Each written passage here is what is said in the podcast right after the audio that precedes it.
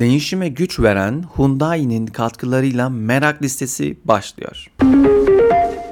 Herkese merhaba. Merak listesine hoş geldiniz. Bugün konuşacağımız konu atalet. Çok da kolay konu değil mi? Hepimiz zaten ataleti nasıl yeneceğimizi biliyoruz. Ama biraz böyle ben giriş yapayım. Bakalım hepimiz gerçekten ne kadarını biliyoruz ya da ben mi bilmiyorum. Bir yorumlarsınız diye düşünüyorum. Hepimiz bir şeyler yapmak istiyoruz. Yani spora başlamak istiyorum. Hayalimdeki işi kurmak için çalıştığım şirketten ayrılmak istiyorum. 20 kilo vermek istiyorum. Sağlıklı beslenmek istiyorum. Sabah 5'te kalkmak istiyorum. YouTube ya da podcast kanalı açmak istiyorum. İstiyorum da istiyorum. Bunları gerçekten istememe rağmen, arzulamama rağmen, arzulamanıza, istemenize rağmen başaramıyoruz değil mi? Neden? Sadece ve sadece bunları yapmayı düşünüyoruz. Değil mi? Düşünmek, hayal etmek bize çok iyi geliyor. Ama harekete geçmiyoruz. Bunları yapmayı okuyoruz, nasıl yapacağımızı öğreniyoruz, dinliyoruz. Podcast'lerden bakıyoruz, YouTube videolarına giriyoruz, başkalarına soruyoruz, danışıyoruz, kararlar alıyoruz. Hatta yeni yıl geliyor, 2024 yılı geliyor. 2024 yılında ne yapacağınızı dair düşünmeye başlamış da olabilirsiniz. Yeni yıl hedefleri koyuyorsunuzdur kendinize. Ama bunların ne kadarını yapacaksınız? Neden yapamıyoruz? Bunları öteliyoruz.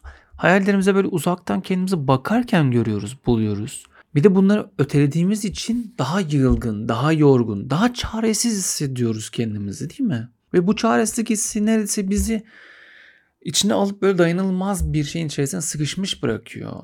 Yani biz kendimizi böyle bir anda omuzlarımız çökmüş, yenik buluyoruz. Ama nedenini bilmiyoruz. Sanki Almanlar da yenilmiş de biz de yenik sayılmışız gibi bir his var. Değil mi? Haleti ruhiyemiz ona benziyor. Çünkü bizden kaynaklı değil ya. Çünkü benden kaynaklı olsa ben istiyorum. O kadar çok arzuluyorum ki bunu yapamama sebebi ben olamam. Öyle diyoruz değil mi? Gerçekten böyle düşünüyoruz. Ben de böyle düşünüyorum. Ama arkadaşlar bunun adı tam yaşadığımız yani tarif ettiğim şeyin adı atalet.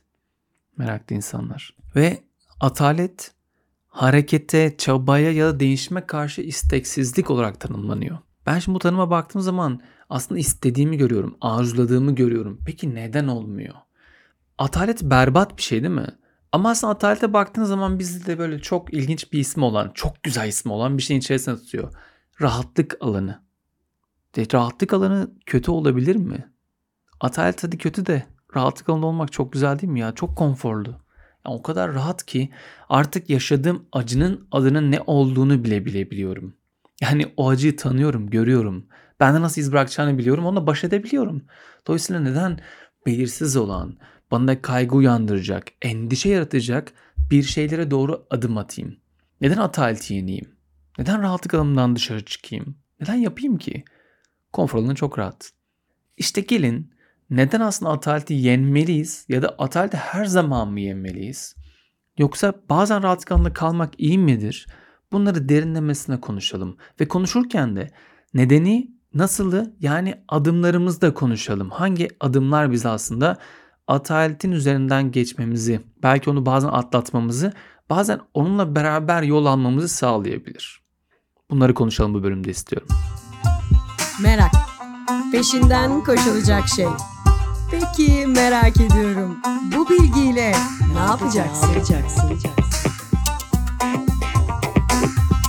Neden atalet yaşıyoruz? Ya bu soru aslında çok basit bir soru değil mi? Bence hepimiz biliyoruz. Ama şimdi ataleti ikiye ayırdı, ayırayım izninizle.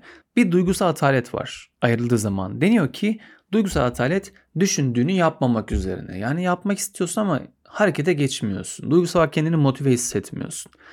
Diğeri ise düşünsel atalet. Yani entelektüel atalet. Bu da yaptığı üzerine düşünmemek demek. Yani bir şeyleri yapmak istiyorsun, hayal bile kurmuyorsun. Onlarla ilgili bir şeyde varsayımda bulunmuyorsun bile. Düşünmekten bile kaçıyorsun. Bu toplumumuzda çok alışık olduğumuz bir şey. Hepimiz bunu yapıyoruz zaman zaman. Hani ne gerek var ya düşünmeme? Birileri benim için zaten düşünüyorlar. Duygusal atalet aslında bizi daha çok yoruyor. Çünkü biraz böyle bir gönül yorgunluğu koyuyor üzerimize. Düşünsel atalette ise bazen akıl tutulması yaşıyoruz ki bu da aslında çok çok normal. Ama araştırmalara göre atalete sebep olan en önemli şeyler uzun vadeli ertelemek, kaygı, korku, pişmanlık, özgüven eksikliği, suçluluk, bazen kayıplar bizi aslında atalete tutuyor. Bazen de ne olduğunu bilemediğimizde bununla yüzleşmek için kendimizi hazır hissetmiyoruz. Hazır hissetmediğimizde hazır bulunuşumuzu sağlamak yerine ise olduğumuz yerde kalmayı tercih ediyoruz. Ama zihin çok ilginç değil mi? Çünkü bir şey arzulamaya başlayınca, bir şey istemeye başlayınca tam böyle kendimizi boşta bulduğumuz anda zihnimiz tekrar onu düşünmeye başlıyor. Ve bir anda kendimizi onunla ilgili hayaller kurarken görüyoruz. Bazen gündüz düşü yani hülyalara dalıyoruz bunlarla ilgili. O yüzden de onları yapmak istiyoruz. Ama bir taraftan yapmakta çok zorlanabiliyoruz. Bununla ilgili tabii ki pek çok şey var ama bir diğerini de nedenini olarak da geçtiğimiz günlerde Engin Geçtan'ın Hayat kitabını tekrar okurken gördüm. Hayat kitabında 104. sayfada T.S. Eliot'tan bir alıntı yapmış Engin Geçtan. Diyor ki televizyon ve radyo gibi kitle iletişim araçları bir bakıma yendikten sonra unutulan bir süre sonra tekrar yenilen yemekler gibi. T.S. Eliot'ın dediği gibi televizyon milyonlarca insanın aynı şakaya aynı anda gülmesini sağlayan ama kendilerini yine de yalnız hissetmelerine neden olan bir eğlencedir. Çünkü kitle iletişimini sağlayan bu araçlar insanlar arası iletişimin yani gerçekliğimizin yerini almaya çalışıyorlar. Şimdi biz gerçekliğimizle kaybettiğimizde sosyal medyada çok fazla içeriklere maruz kaldığımızda aslında sanki zihinsel olarak bir şeyler yapıyoruz. Bir yolculuğa çıkıyor gibi hissediyoruz. Oysa aslında ne gerçekten temas kuruyoruz ne gerçekten de bedensel olarak fiziksel olarak o yolculukta biz var oluyoruz. E bu durumda aslında sanki zihnimize yaptım ettim dedirtirken normalde biz olduğumuz yerde kalıyoruz koltukta saatlerce geçiriyoruz. Dolayısıyla bu da bizde aslında bir alışkanlık oluşturuyor. Bu alışkanlık da rahatlık alanında kalmak yani eylemsizlik yani atalet doğuruyor. Ve biz bunun üzerine çalışmadıkça da bu konfor alanı çok iyi olan adından söyleyip durduğum şey bizi içerisine çekiyor. Ve biz orada kalmaya devam etmek istiyoruz. Nedeni benim gördüğüm kadarıyla bu. Sen meraklı insan farklı bir şeylerde olduğunu düşünüyorsan neden olarak atalete sebep olan lütfen onları benimle paylaş ki ben de onları öğrenmiş olayım. Şimdi tabii ki ataletle ilgili mükemmelliyetçilik diyebilirsiniz. Çaresizlik diyebilirsiniz. Farkındalık eksikliği diyebilirsiniz. Bunun hepsi de okey. Peki çağrı nasıl çıkabiliriz? Ya da sen çıkabiliyor musun her zaman derseniz çıkamıyorum. Yani bu bölümü hazırlamak bile 5 saat boyunca eylemsiz kalmamın ardından ancak kendimi zorla bu sandalyeye oturtup bilgisayarda kayıt tuşuna basmamla oldu. Yani ben aslında bu bölümle ilgili çok uzun zamandan beri hazırlanıyorum ama bunu yapmak için bile o eylemi atmakta zorlandım. Şimdi nasıl bunu peki yaptım? Neler yaptık? Bir, ben taahhütte bulundum. Yani bununla ilgili yapacağıma dair hem bir bölüm sponsorumuz var. Onu konuyla ilgili konuştuk.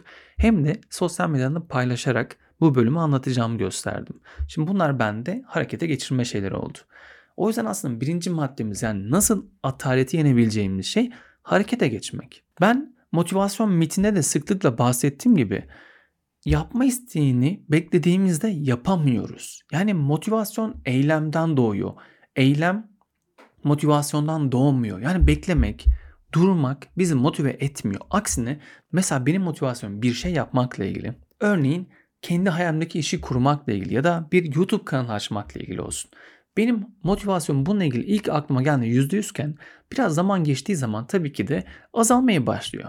%85'te olalım mesela motivasyonum. Şimdi ben harekete geçmedikçe bir gün sonra %83, iki gün sonra %80, bir süre sonra bakıyorsunuz %50'lere kadar düşmüş oluyor. Yani motivasyon bekledikçe gidiyor. Eylem olmadan motivasyon olmuyor. Dolayısıyla eylem ve motivasyon yan yana olmalı ki ben harekete geçebileyim. O yüzden de eylem yapmaya başlayınca harekete geçtikçe ise o %50'de olan şey %55, %60 derken bir anda tekrar %100'e gelebiliyor. Dolayısıyla aslında ataleti yenmek için harekete geçmek yani motivasyonu beklemeden eylemle motivasyon doğurmak gerekiyor. Bu konuda benim gördüğüm en iyi motivasyon yani eyleme geçme işi ise Mel Robbins'in 5 saniye kuralı ki daha önce merak listesi içerisinde anlatmıştım. O bölümde dinleyin derim. Mel Robbins diyor ki bir şey yapmak istediğinde kendi içinden 5'e kadar say ve hemen yap. Örneğin sabah kalkmakta zorlanıyor musun? Alarm çaldığı anda 1, 2, 3, 4, 5 de ve kalk. Onu 5 saniye içerisinde yap. Mı yazmak istiyorsun? YouTube kanalımı açmak istiyorsun? Hemen YouTube kanalı açabileceğin siteye giriş yap ilk 5 saniye sonra. Bunu yapmak gerçekten bir alışkanlığa döndüğü zaman atalet yerine direkt hızlı bir şekilde yol almaya başlıyoruz. Benim en keyif aldığım ve benim için gerçekten zorlandığım anlarda hareketi doğurmamı ve ardından motivasyon getirmemi sağlayan en güzel kurallardan birisi bu 5 saniye kuralı. İkincisi ise başarı tanımını gözden geçirmek. Çünkü biz bir başarı tanımını biliyoruz. Bence hepiniz biliyorsunuz. Hatta isterseniz podcast'i durdurun burada ve başarı tanımının ne olduğunu bir düşünün. Sizin için başarı tanımı ne? TDK için değil, etrafınızdaki insanlar için değil, şirketiniz için değil, aileniz için değil, ilişkideki partneriniz için değil. Sizin için başarı tanımı ne? Çünkü biz bunu düşünmüyoruz. Düşünmediğimiz için de kendimize ait bir başarı tanımı olmayınca biz başkalarının başarı tanımları üzerinden bir şeyler yapmaya çalışıyoruz ama bunda da başarısız oluyoruz. Çünkü bir başkasının başarısını aynı şekilde isteyemeyiz. Dolayısıyla durup kendi başarı tanımını yapmak gerekiyor. Örneğin kitap yazmaktan bahsedebilirim. Bir kitap mı yazmak istiyoruz? Ben istiyorum mesela. Ama bu konuyla ilgili benim için başarı kriteri çok satanlar diye olacak bir kitap yazmak değil aslında. Ama o kitabı yazmak, bitirmek ve onunla ilgili imza günleri yapmak benim için başarı kriteri olarak gözüküyor. Şimdi bakın yazmak yetmiyor. Bir de imza günleri yapmam gerekiyor. Demek ki aslında bu benim için bir başarı tanımı olmayacak. Ya da bunu belki de diyebiliriz yine. Ama bu çok uzak bir ihtimal değil mi? Çok uzun süre sonrası. Oysa şu anda benim başarı tanımım ne olabilir kitap yazmakla ilgili? Belki de ben kitap yazmak istiyorsam bir kitap yazma kursuna kayıt olmam bile benim için başarı olabilir. Çünkü kitap yazma kursuna kayıt olursam ve derslerine gidersem, öğrenmeye başlarsam kitap yazmaya yakınlaşacağım. Dolayısıyla bu aslında benim için başarı tanımı olabilir. Dolayısıyla buradan bakabilirim. Başarı tanımımı değiştirebilirim. Ve ya da her gün yanımızda bir tane cep defteri taşıyıp bu defterin içerisine her gün biraz vaktimiz olduğu zaman, bazen toplantı geciktiği zaman, bazen trafik sıkıştığı zaman, bazen kalkıp da sadece bir yerde durup dinlenirken çıkarıp deftere 5-6 tane cümle yazmak. Kitapta neler olmasını istiyorum, nasıl bir kitabım olsun istiyorum. Bunları yazmak bile beni rahatlatacaktır. Ve bu sayede aslında ben bir süre sonra çok daha fazla yazmaya başlayacağım. Çünkü ilk başta 5 dakika olan süre belki sonra 20, belki 30 dakikaya çıkacak. Çünkü ben artık bu konudaki hem başarı tanımını değiştirdim hem de benim motivasyonum yükselmeye başladı. Çünkü her gün bir şeyler yapıyorum. Eyleme geçiyorum. Değil mi? Ataleti nasıl yeneceğimizi konuşurken sizinle böyle bir örnek paylaşmak istiyorum. Meraklı insanlar farkındaysanız son 5 yıldır gelişen teknolojilerle birlikte otomobillerle olan ilişkimiz daha da hızlı değişiyor. Benim burada aklıma aslında bir karikatür geliyor hatırlarsanız işte sürücüsüz otomobil kullanan birisi işte bir at arabasına geçen birisine bakıyordu. İşte nasıl bir araba böyle falan dediği yerde at diyordu ki önce bizden kurtuldular şimdi sıra sizde Orhan. Çember daralıyor Orhan diyordu hatırlar mısınız? Bu kadar hızlı değişiyor aslında. Ve bu değişim gerçekten de bizi her yerde etkiliyor. Peki bu değişim nasıl oluyor? Kim bu değişimlere öncülük ediyor? Bu değişimleri yaratanlar kimler? Tabii ki de bunu merak ediyorum. Bence siz de merak ediyorsunuz. Tam da burada Hyundai'nin Ioniq 5 ile değişim başlıyor felsefesini konuşmalıyız. Çünkü kullandığımız metrolar, trenler, hava ulaşımı ki şehir içi hava ulaşımında müthiş bir gelecek var ve Hyundai burada gerçekten de inanılmaz bir vizyon çiziyor. E bir taraftan gördüğümüz ve bize hayret veren Boston Dynamics robotlarını hatırlıyorsunuzdur değil mi? Hyundai Boston Dynamics satın aldı ve global bir inovasyon topluluğu olan Cradle'ı kurdular ve Cradle'la beraber geleceğin mobilite çözümlerini geliştirme sözlerini çok daha ileriye taşıyorlar. Peki bunu nasıl yapıyorlar? Bahsettiğim Ioniq 5 ile beraber iyi bir dünya için değişim zamanı diyerek tüketicilerin beklentilerinin çok ötesine geçiyorlar. Hyundai'nin Brand 3.0 kampanyasında Hyundai değişime güç veriyor mottolarıyla mobilite çözümlerinde etkili bir alan yaratıyor. Peki bunu nasıl yapıyorlar? Örneğin Ioniq 5 tabanlı robotaksiler var. Ioniq 5 temel alınarak hazırlanan robotaksi sürücüsüz teknolojinin öncü şirketlerinden Motion AI ile olan işbirliğiyle hayata geçiriliyor. Geleceğin teknolojisi olarak nitelendirilen bu özel projede sürücüsüz taksiler çok yakında dünyanın birçok ülkesinde yola çıkacak. Hatta ve hatta Las Vegas'ta bu yılın sonuna doğru da artık sokaklarda görülmeye başlanacak. Bu deneyimi anlamak için YouTube'a robotaksi Hyundai yazıp bakabilirsiniz. Gerçekten müthiş gözüküyor. Akıllı, güvenilir ve sürdürülebilir olan bu konsept projenin adı Ioniq 5 Robotaksi. Benim merak ettiğim bir şey de bu taksiler nasıl çalışıyor? Aracın gövdesine yerleştirilen 30'dan fazla sensör var. Tamamen kendi kendine hareket ediyor ve araç içerisindeki kombine radarlar, ön ve arka taraftaki kameralarla birlikte trafikteki yayaları, objeleri, diğer her şeyi tespit edip buna göre kendisi aslında yolunu belirleyebiliyor. Çok güzel değil mi? Ayrıca Ioniq 5 ile Hyundai trafik, hava kirliliği, taksi sorunu, yakıt pahalılığı, güvenli sürüş gibi pek çok sorun çözecek bir vizyon sunuyor bize. Bunu yaparken de bence ataleti yenmek için çok güzel bir noktadan bize örnek oluyor. Çünkü Ioniq 5, Hyundai'nin tam 45 yıl önce piyasaya sunduğu ilk modeli Pony'den ilham olarak tasarlanmış olması, köklerine yaptığı vurgu ve geleceğin teknolojisini harmanlaması çok güçlü bir mesaj veriyor. Çünkü burada bize şunu söylüyor.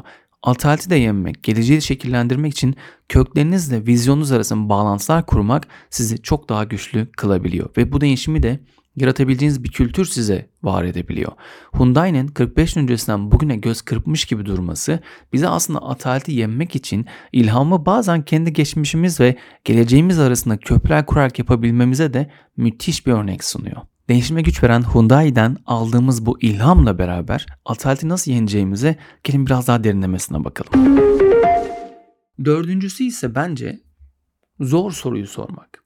Yani bu konularla ilgili, ataletle ilgili bazen zor sorular sormak gerekiyor. Örneğin ben oturdum ve hiçbir şey yapmak istemiyorum. Zor soru sizce ne olabilir burada? Hepimiz farklı olduğumuz için hepimizin sorusu değişecek ama zor olan soru var. Belki de şu olabilir. Bunu yapmadığın zaman kendini nasıl hissedeceksin? Büyük ihtimalle suçluluk hissedeceksin, pişmanlık hissedeceksin.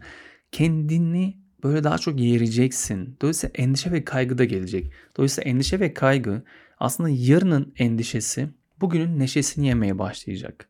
Dolayısıyla en güzel şey harekete geçip onu yapmak ve bitirmek olabilir. Buradaki zor soruyu da siz bulabilirsiniz her seferinde. Çünkü zor soru size göre olacak ve soru sorma becerisi müthiş bir beceri. Cevap bulmamıza bile gerek olmuyor çoğu zaman. Beşincisi geçmiş yıl değerlendirmesi yapmak, gelecek yıl için neler yapacağınız dair hayaller kurmak. Yeni yıl gelmeye başladığı için bununla ilgili gerçekten yapmak çok keyifli olacak. Hem bununla ilgili bir bölüm yapacağım hem de geçtiğimiz yıllarda zaten ben geçmiş yıl değerlendirmesi üzerine bölümler yapıyorum. Onlara bakabilirsiniz. Çünkü gerçekten bir yıl boyunca değerlendirmek ve belli noktalar ne yaptığımızı görmek bizim aslında neler yapmak istediğimize dair bizi çok daha fazla motive ediyor. Genellikle gördüğüm, bende de bu oluyor. Bu geçmiş yılları değerlendirmekten kaçıyoruz. Oysa aslında çok güzel bir iş. Altıncısı ise mental fitness yapmak. Yani zihnimizi sürekli beslemek. Yeni düşüncelerle, yeni fikirlerle, var olan fikirleri aldığımız zaman kendi bildiklerimize harmanlayıp yeni bir söz söyleyebiliyor muyuz? Yeni bir içerik yaratabiliyor muyuz? Yeni bir şey dönüştürebiliyor muyuz? Yeni bir soru sorabiliyor muyuz? Zihnimizi besleyecek, onu fit tutacak şeyler yapmak, mindfulness yapmak, meditasyon yapmak, bedenimize ve zihnimize iyi bakmak aslında atalet önlemenin en güzel yöntemlerinden bir tanesi de bu. Yedincisi ise enerji vampirlerinden kurtulmak. Enerji vampirleri gerçekten bizim enerjimizi çekiyorlar ve genellikle atalet olduğu zaman o yorgun ve yılgın hissettiğimiz anlarda eyleme geçmek istemediğimizde birisi bizim enerjimizi bizden çalmış olabilir. Buna dikkat etmek, bu kişilerin kimler olduğunu fark etmek ve onların bunu yapmasına izin vermeyip kendi gücümüzü elimize almak atalet konusunda bize çok destek olacaktır. Tabii ki bu kişilerle ilişkinizi kesin görüşmeyin ya bir daha falan demiyorum ben. Ama yine de fark edip onların nasıl bunu yaptığını gördüğünüzde engellemek emin olun çok daha kolay olacak. O yüzden biraz gözümüzü açıp enerjimizi kimler bizden çekiyor onları tespit edelim. Tabii enerjiyi çekenlerden birisi siz de olabilirsiniz. Çünkü bazen atalet halinde olduğumuzda çevremizde çok enerjik insanları da istemiyoruz. O zaman ona göre de bakmak lazım. Enerji vampiri bensem onunla ilgili ne yapabileceğime dair de yine geçmiş bölümlere bakabilirsiniz. Sekizincisi ise zor ile güne başlamak. En zoru en erken saatte yapmak. Bu konuda zaten Brain Tracy'nin Eat That Frog diye bir kitabı var. Yani o kurbağayı ye. Orada da terim şu yani kurbağa yemek güzel bir şey değil zaten ama işte sabah hiç yapmak istemediğin en çok kaçtığın şeyi ilk anda yap. Çünkü sabah zaten keyfimiz o kadar olmuyor. O anda bunu yaparsan günün sonunda o kadar güzel başardığın hissiyle beraber diğer şeyleri çok daha motive, çok daha istekli yapabiliyoruz. O yüzden uzun zamandan beri kaçtığınız ne varsa oturun onu yazın ve şu an yapmaya başlayın. Hayal kurmak da olabilir bu. Bazen çünkü hayal kurmaktan da kaçıyoruz. Sizin için şu anda en zor şey ne? Hemen onunla ilgili şu anda bir şey yapmaya başlayın. Bu podcast'i dinlemekten çok daha önemli bir şey bu. Onu rahatlıkla söyleyebilirim. Dokuzuncusu ise ve bence sonuncusu en azından ataleti yemek için yardım istemek, bir mentor bulmak. Gerçekten iyi bir mentor bulmak çok zor. İyi bir şekilde yardım isteyebilmek de çok zor. Özellikle kültürel olarak yardım isteme konusunda zorlanıyoruz. Kimden nasıl isteyeceğimizi bilmiyoruz, çekiniyoruz, mahcup hissediyoruz, ayıp olacağını düşünüyoruz. Tanımadığımız insanlara bile yardım istemek onların aslında aramızda farklı bağlar kurmayı sağlayacağı için birlikte bir şey yapma hali sunabiliyor ve yardım istemek, zorlandığımız anlarda birisiyle beraber bir şey yapmak ya da o kişinin daha önce yaşadığı durumu benzerini yaşadığımızı görüyorsak onun nasıl bunu aştığını görmek, ondan ilham almak bence çok önemli. Ki zaten bu podcast'in ortasında Hyundai'den bahsederken de ilham alma tarafından anlatmıştım. Gerçekten ilham alıp o ilhamı dönüştürebilmek çok çok çok kıymetli. Yardım istemek hiç çekineceğimiz bir şey değil. Aksine sürekli yardım istemek çok iyi çünkü iç hacizde olan bir insan değiliz. Çünkü birileriyle beraber yapmak, birlikte yapmak her zaman çok daha iyi hissettiren bir şey. En azından omzumuzdaki yükleri paylaştırmamızı sağlıyor. O yüzden yardım istemek ve doğru mentoru bulup onunla beraber çalışmak ki mentorlarda da farklı alanlarda farklı mentorlara ihtiyacımız olabilir. O yüzden oraya da bakmak ve doğru mentorları bulup onların desteğini istemek de bence çok çok kıymetli geliyor. Evet bu bölümde ataleti konuştuk. Ataleti nasıl yeneceğimizi anlatmaya çalıştım. Biraz böyle anlattım anlattım anlattım ama yani 9 madde yetti mi bilmiyorum. Siz buraya bir 10. madde olarak ne eklersiniz meraklı insanlar? Sizce ataleti yenmek için 10. maddemiz ne olmalı? Bunu bana yorumlarda küpeli çare hesabına etiketleyerek paylaşırsınız. Ben çok çok mutlu olurum. Bölümü de ihtiyacı olduğunu düşündüğünüz ki atalet halindeyken farkına varamıyoruz. Arkadaşlarınıza gönderirsiniz. Onlarla da paylaşırsanız, onlara iyi geleceğini düşündüğünüz kişilere de paylaştığınız anda ben çok daha mutlu olacağım. Hem daha fazla kişi dinlemiş olacak hem onlara bir şekilde benim de yardımım dokunacak ki 9. madde yani yardım istemeyi sizlerden her zamanki gibi istiyorum. Podcast'i paylaşın ki daha fazla kişiye merak etmeleri konusunda birlikte destek olalım. Beni dinlediğiniz için çok teşekkür ederim. Ee, bölümü burada bitiriyoruz. Bir başka bölümde görüşmek üzere. Hoşçakalın. Değişime güç veren Hyundai'nin katkılarıyla hazırladığımız merak listesini dinlediniz.